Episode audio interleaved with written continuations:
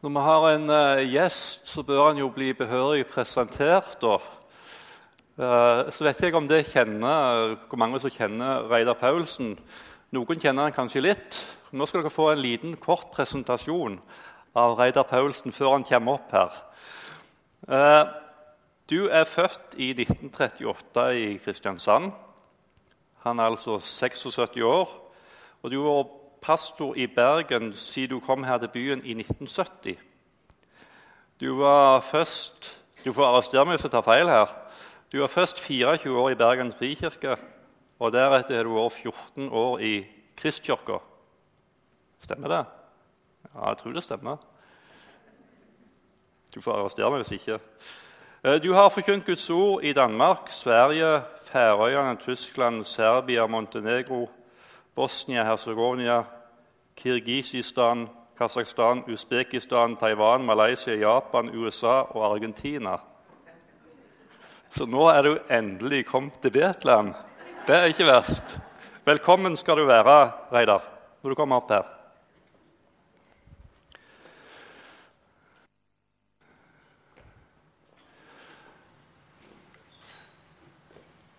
Du får si litt mer sjøl hvis du vil, men jeg, skal, jeg vil nok be for deg før du setter i gang. Ja, hvorfor ikke? Ja.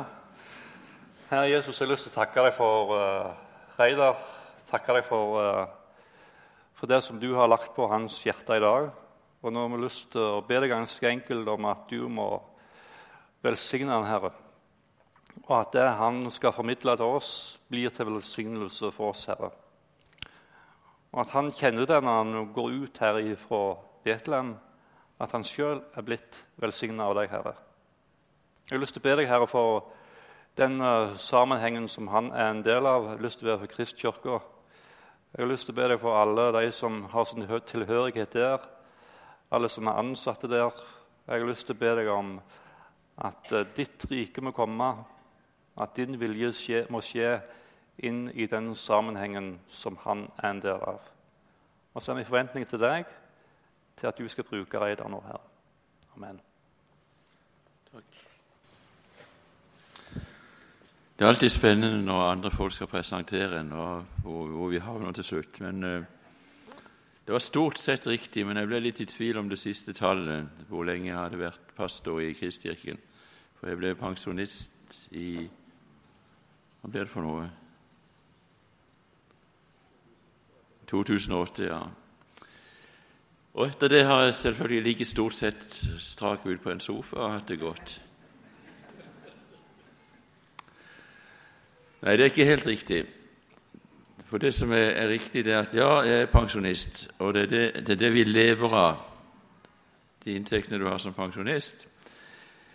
Men ellers så er jeg enda høyst levende og aktiv, så vidt jeg har forstått. Blant annet så har jeg allerede fra vi noen år etter vi starta Kristkirken, ledet et nettverk som nå heter Dulos-nettverket. Og så nærmest som eh, førstkommende helg, fredag, lørdag, søndag, så samler vi Dulos-nettverket, noe som vi gjør hvert halvår. Da er det forskjellige menigheter som er med i dette nettverket. Og så er det en del ledere ellers fra andre sammenhenger som gjerne vil være sammen med oss når vi møtes. I tillegg til det så er jeg i aller høyeste grad engasjert av ting felleskristelig i byen. I eh, Jeremia 29, 7, tror jeg det, står det et ord som har blitt noe av et sånt over mer og mer over mitt liv gjennom en del år. Og Det er hentet fra et brev som profeten Jeremia på Guds vegne sendte til jødene som var bortført til Babylon. Og Der står det Søk den byens vel, eller velferd, eller shalom, som jeg har bortført dere til, og be for den for når det går den vel, når den får shalom, så går det dere vel, så skal dere få shalom. Altså Søk den byens velferd som jeg har bortført dere til, sier Herren. Jeg hører til de som er bortført til Bergen. Og det er noen hakk bedre enn Babel.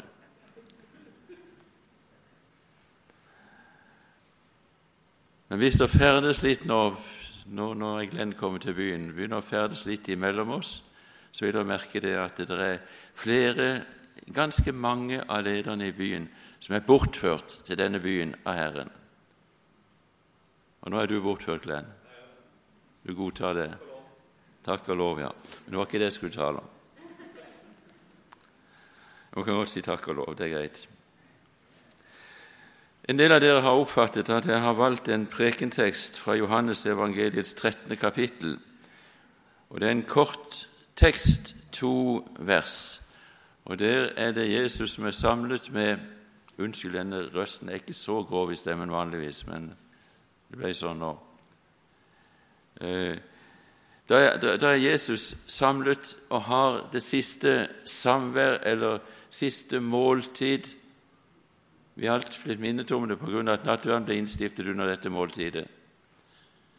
Samlet der med sine disipler, sine nærmeste apostlene, siste gang de har tid sammen, før han skal arresteres, lide og dø, korsfestes og heldigvis stå opp igjen.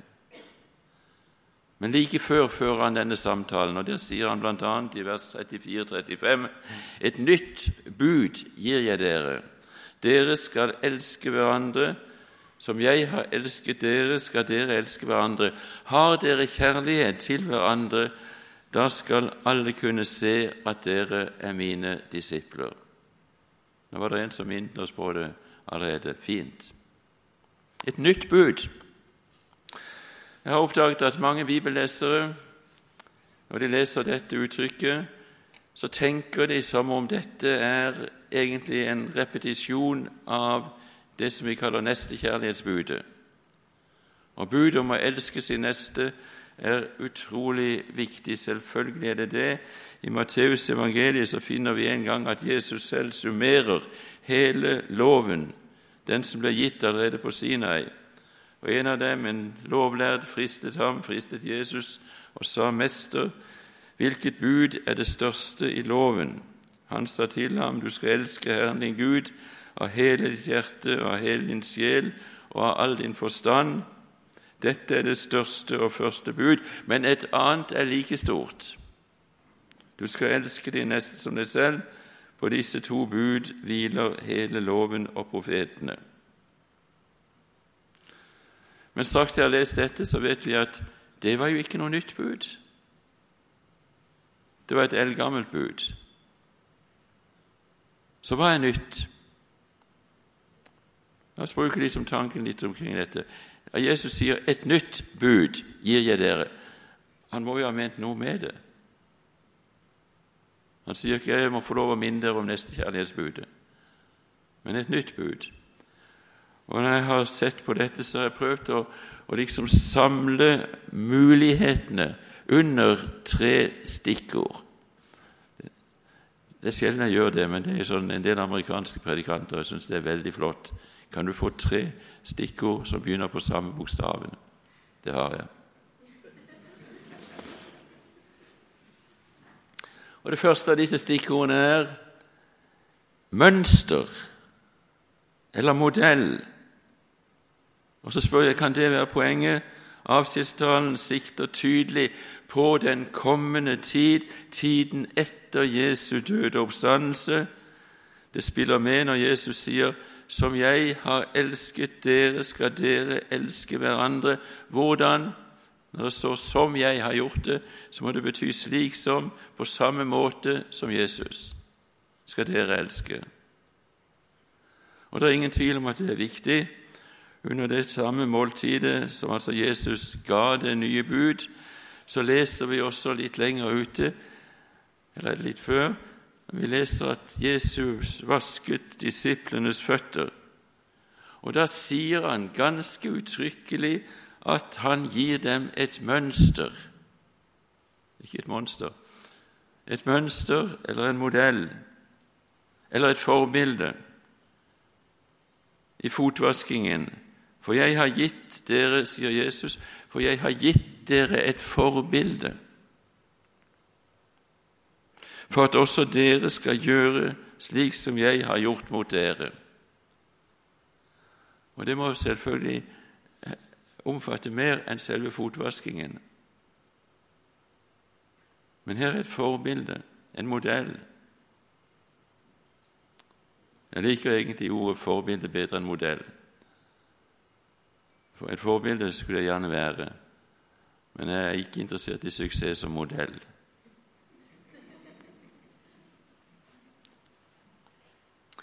Men både apostelen Johannes og apostelen Paulus er opptatt nettopp av hvordan Jesu kjærlighet er et mønster eller et forbilde for oss. Johannes sier på dette har vi lært kjærligheten å kjenne, at Han satte livet til for oss. Også vi skylder, skylder å sette livet til for brødrene.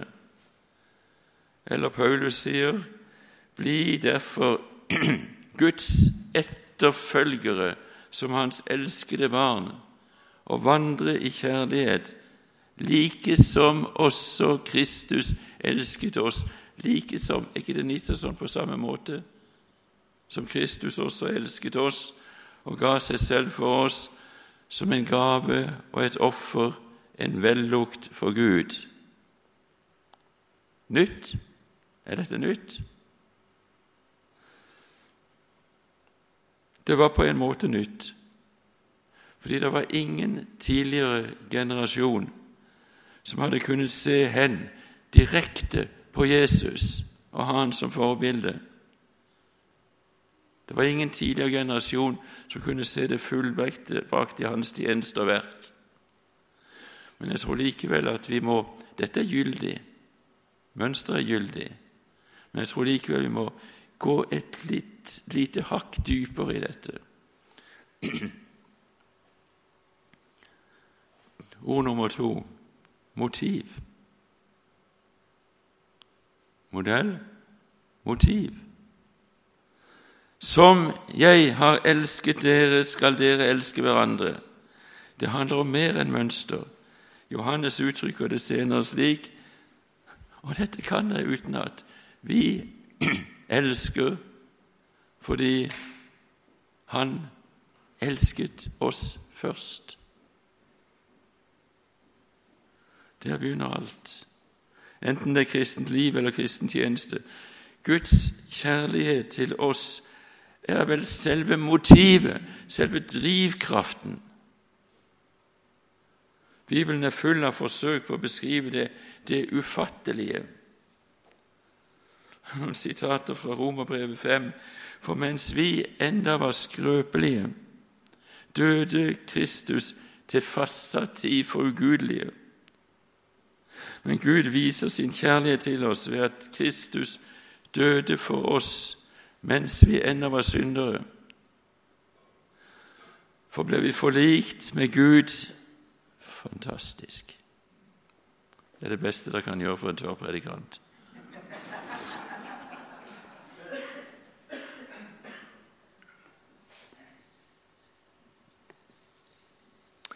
For ble vi forlikt med Gud ved Hans Sønns død, da vi var fiender, skal vi så meget mer bli frelst ved Hans liv etter at vi er blitt forlikt. Eller vil dere ha mer? Paulus. Men Gud, som er rik på miskunn, har på grunn av sin store kjærlighet, som Han elsket oss med, gjort oss levende med Kristus, vi som var døde ved våre overtredelser. Av nåde er dere frelst. Og Vi kunne fortsette, kunne fortsette å, å legge på det ene ordet etter det andre. Her hviler kristenlivet, ikke i vår kjærlighet til Gud, ikke i det vi prøver til, ikke i vår kjærlighet til vår neste heller, eller i noe som vi presterer, men det hviler i Guds kjærlighet til oss. Og hør, gir ikke dette et brennende motiv for å elske tilbake? både Gud og nesten.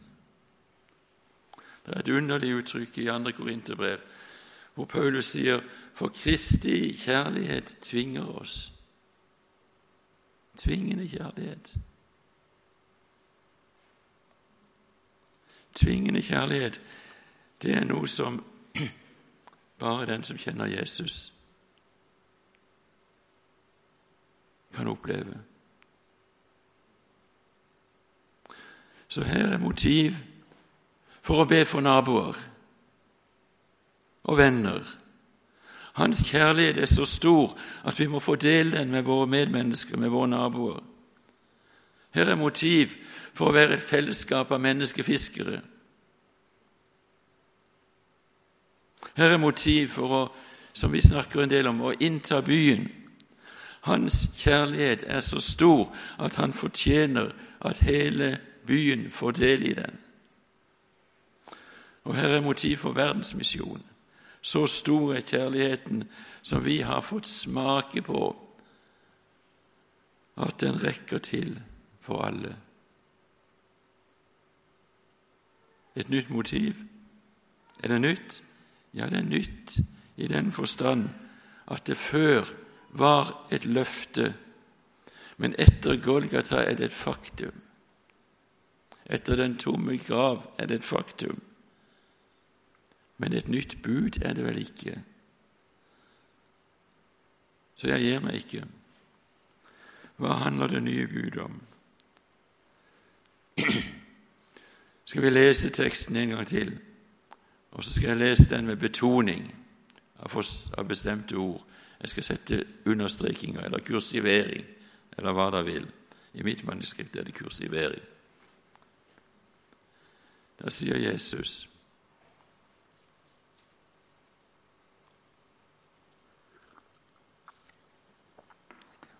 Går det an å høre meg i det hele tatt med den stemmen? Han sier, 'Et nytt bud gir jeg dere'.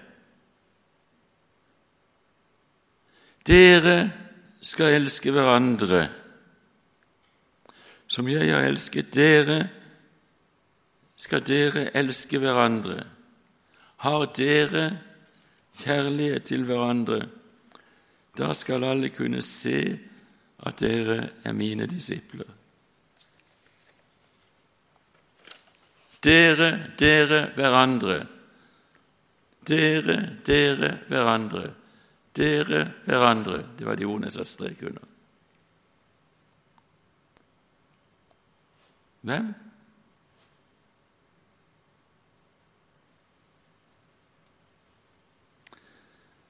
Jesu disipler,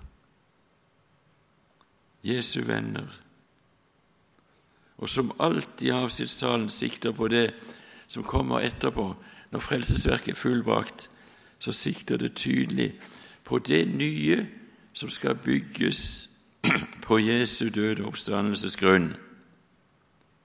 Og ikke minst det nye samfunnet, fellesskapet.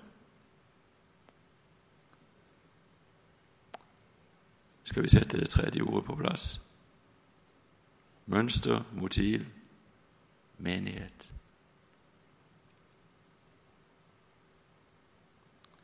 Dere skal elske hverandre. Og så sier vi, er ikke det litt underlig at Jesus legger så mye vekt på forholdet mellom de troende at han gir dem et spesialbud for det? Kanskje syns vi det er rart, men hvis vi begynner å se etter, oppdager vi at denne formaningen går igjen i utallige utgaver tvers gjennom Det nye testamentet. Bruk et dataprogram og søk i Det nye testamentet på ordet 'hverandre', så vil dere se at det er et ord som kommer veldig ofte, og det handler, det handler om de troendes fellesskap. Det handler om menigheten.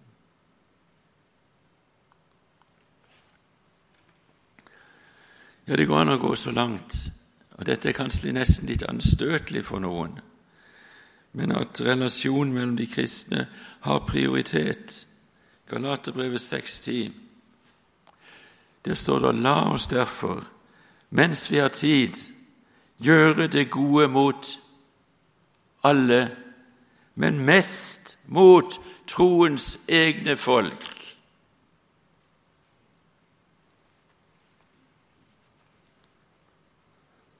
Er det noen som misliker det? Det står i Nytestamentet. Og så må vi spørre oss selv hvorfor er dette så viktig. Jo, for det første fordi vår Gud er én, og vår Gud er Fader, Sønn og Hellig Ånd.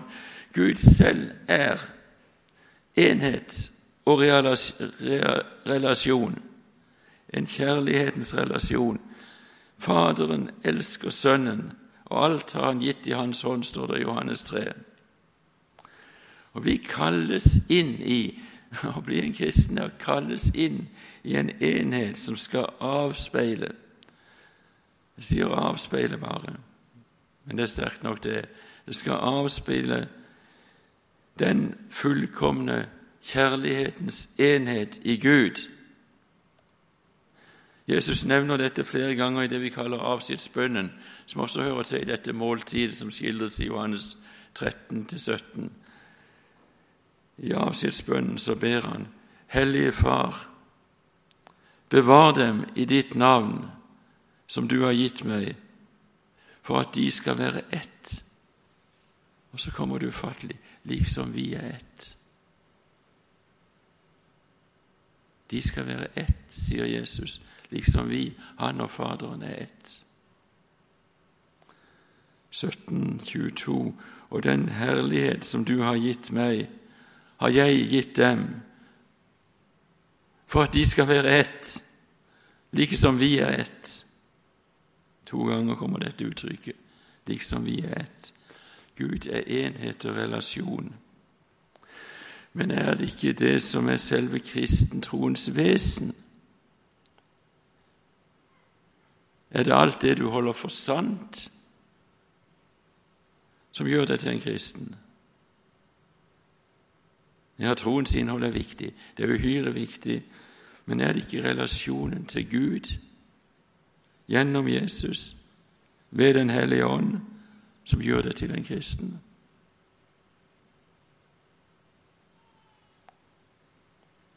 Og hvis vi alle har denne levende relasjonen, denne levende forbindelsen med Gud, hvis Guds ånd bor i oss, er vi vel bundet til hverandre.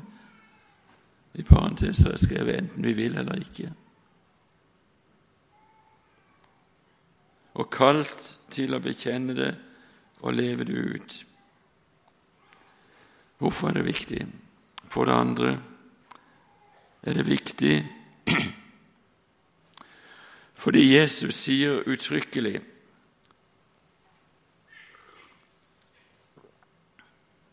Du hørte det her tidligere i vitnesbyrdet. Hvorfor er det viktig? Jo, det er så viktig fordi når vi elsker hverandre og er ett, så gjør det vårt vitnesbyrd troverdig for verden. Hør igjen har dere kjærlighet til hverandre, da skal alle kunne se at dere er mine disipler. Det har med vår troverdighet å gjøre. Vil du vinne verden? Da er det en fordel å være troverdig.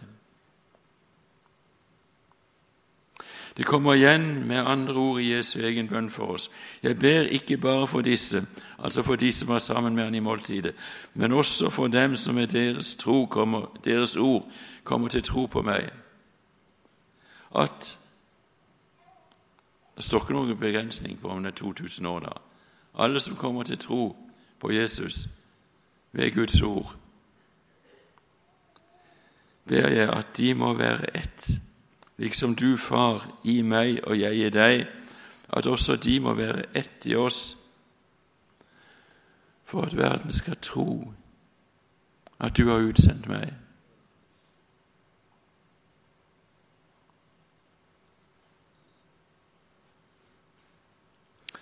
Hvis troens innerste vesen er en levende relasjon til Gud og de andre troende, kan vi ikke i sannhet bekjenne troen og bli trodd hvis vi ikke elsker hverandre. Husker du jeg hadde, sier navnet John Stott noe? Han som var den store teologen i hele Lausanne-bevegelsen. Og en fantastisk både forkynner og forfatter. Han sier en plass at hvis menigheten noen gang skal kunne dra mennesker til seg, til seg selv og dermed til Kristus, vil den bare kunne gjøre det ved den nesten uimotståelige magnetismen fra kjærlighetens fellesskap.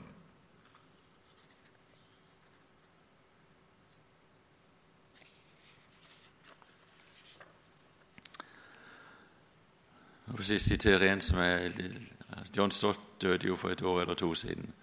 Men her er en som er død for lenge siden, som er tertulian en av kirkefedrene. Han forteller at hedningene undret seg over den kristne menighet. Og hva sa de når de undret seg over den kristne menighet? Dette har dere hørt før. Noen tror det står i Bibelen. Det gjør ikke det. Men det ble sagt Se hvor de elsker hverandre.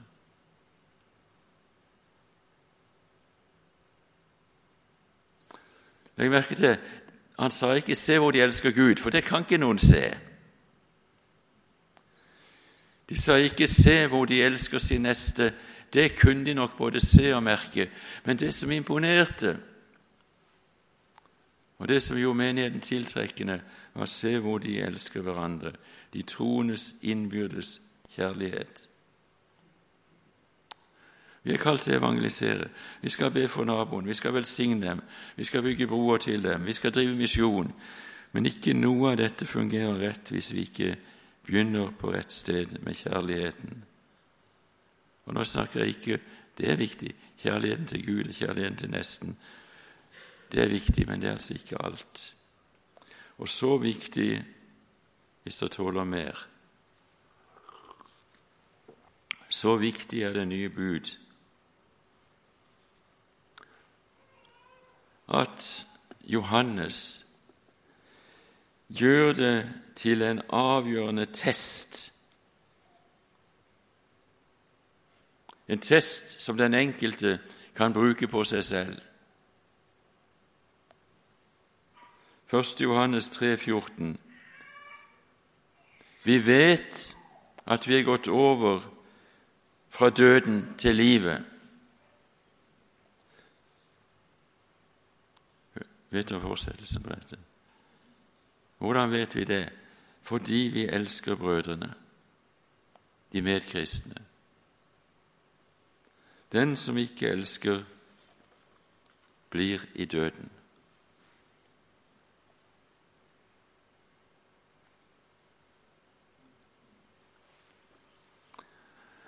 Og Nå er det mange som får vanskeligheter med seg selv, gjør det ikke det?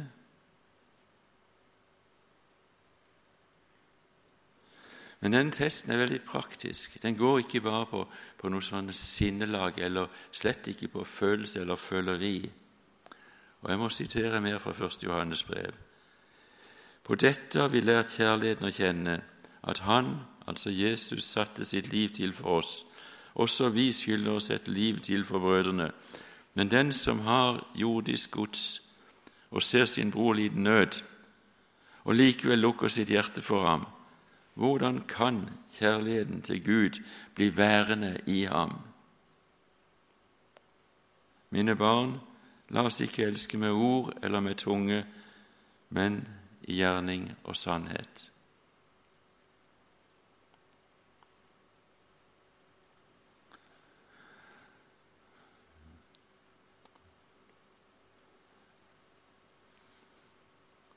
Hvor skal vi praktisere dette?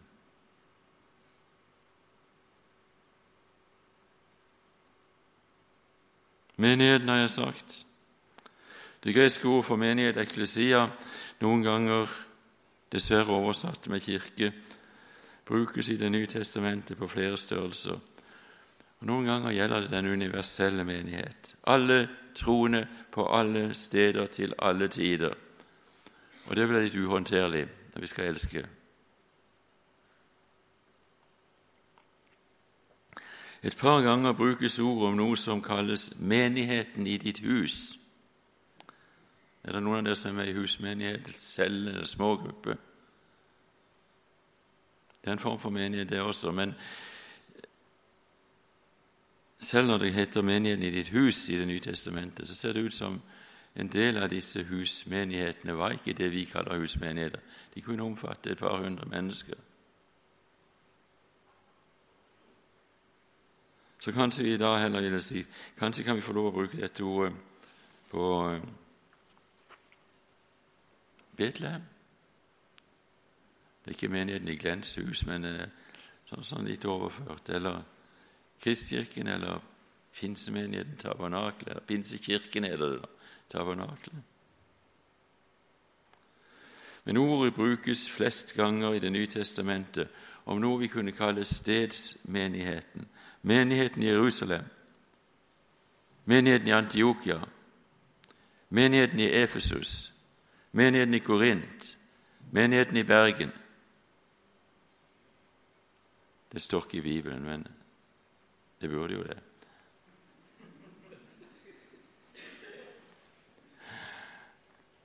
Jeg er klar over at det står om Bergen i Bibelen. Jeg ble klar over det da jeg hadde møter i Sverige. Og Da leste jeg og jeg løfter mine øyne opp til Bergen. Men, men altså På en eller annen måte så setter dette oss inn i en relasjon til alle. Det er første gang jeg taler i Betlehem, det blir sikkert siste. men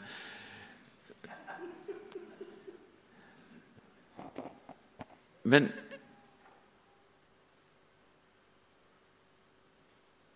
vi er forpliktet av det nye bud.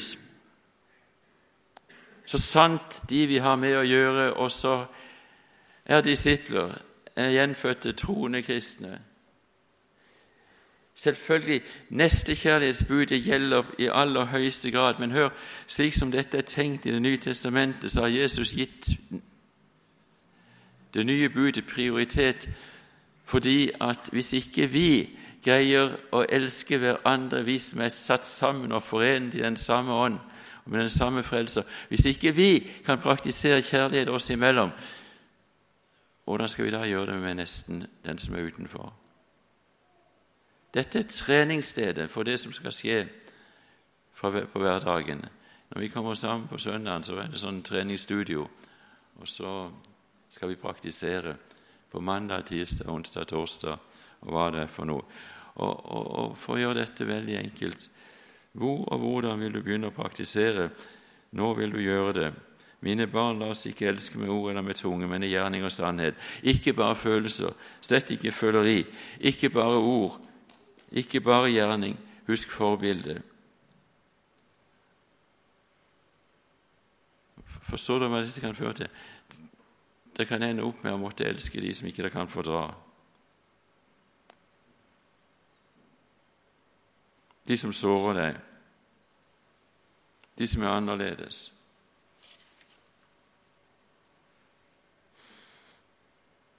Et nytt bud gir jeg dere.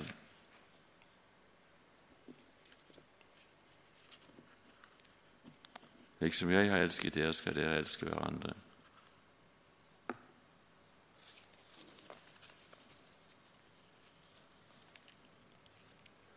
Hvis det jeg har sagt, ikke stemmer med det som står i deres bibel, så må dere enten forkaste meg eller Bibelen, men en av delene må gå.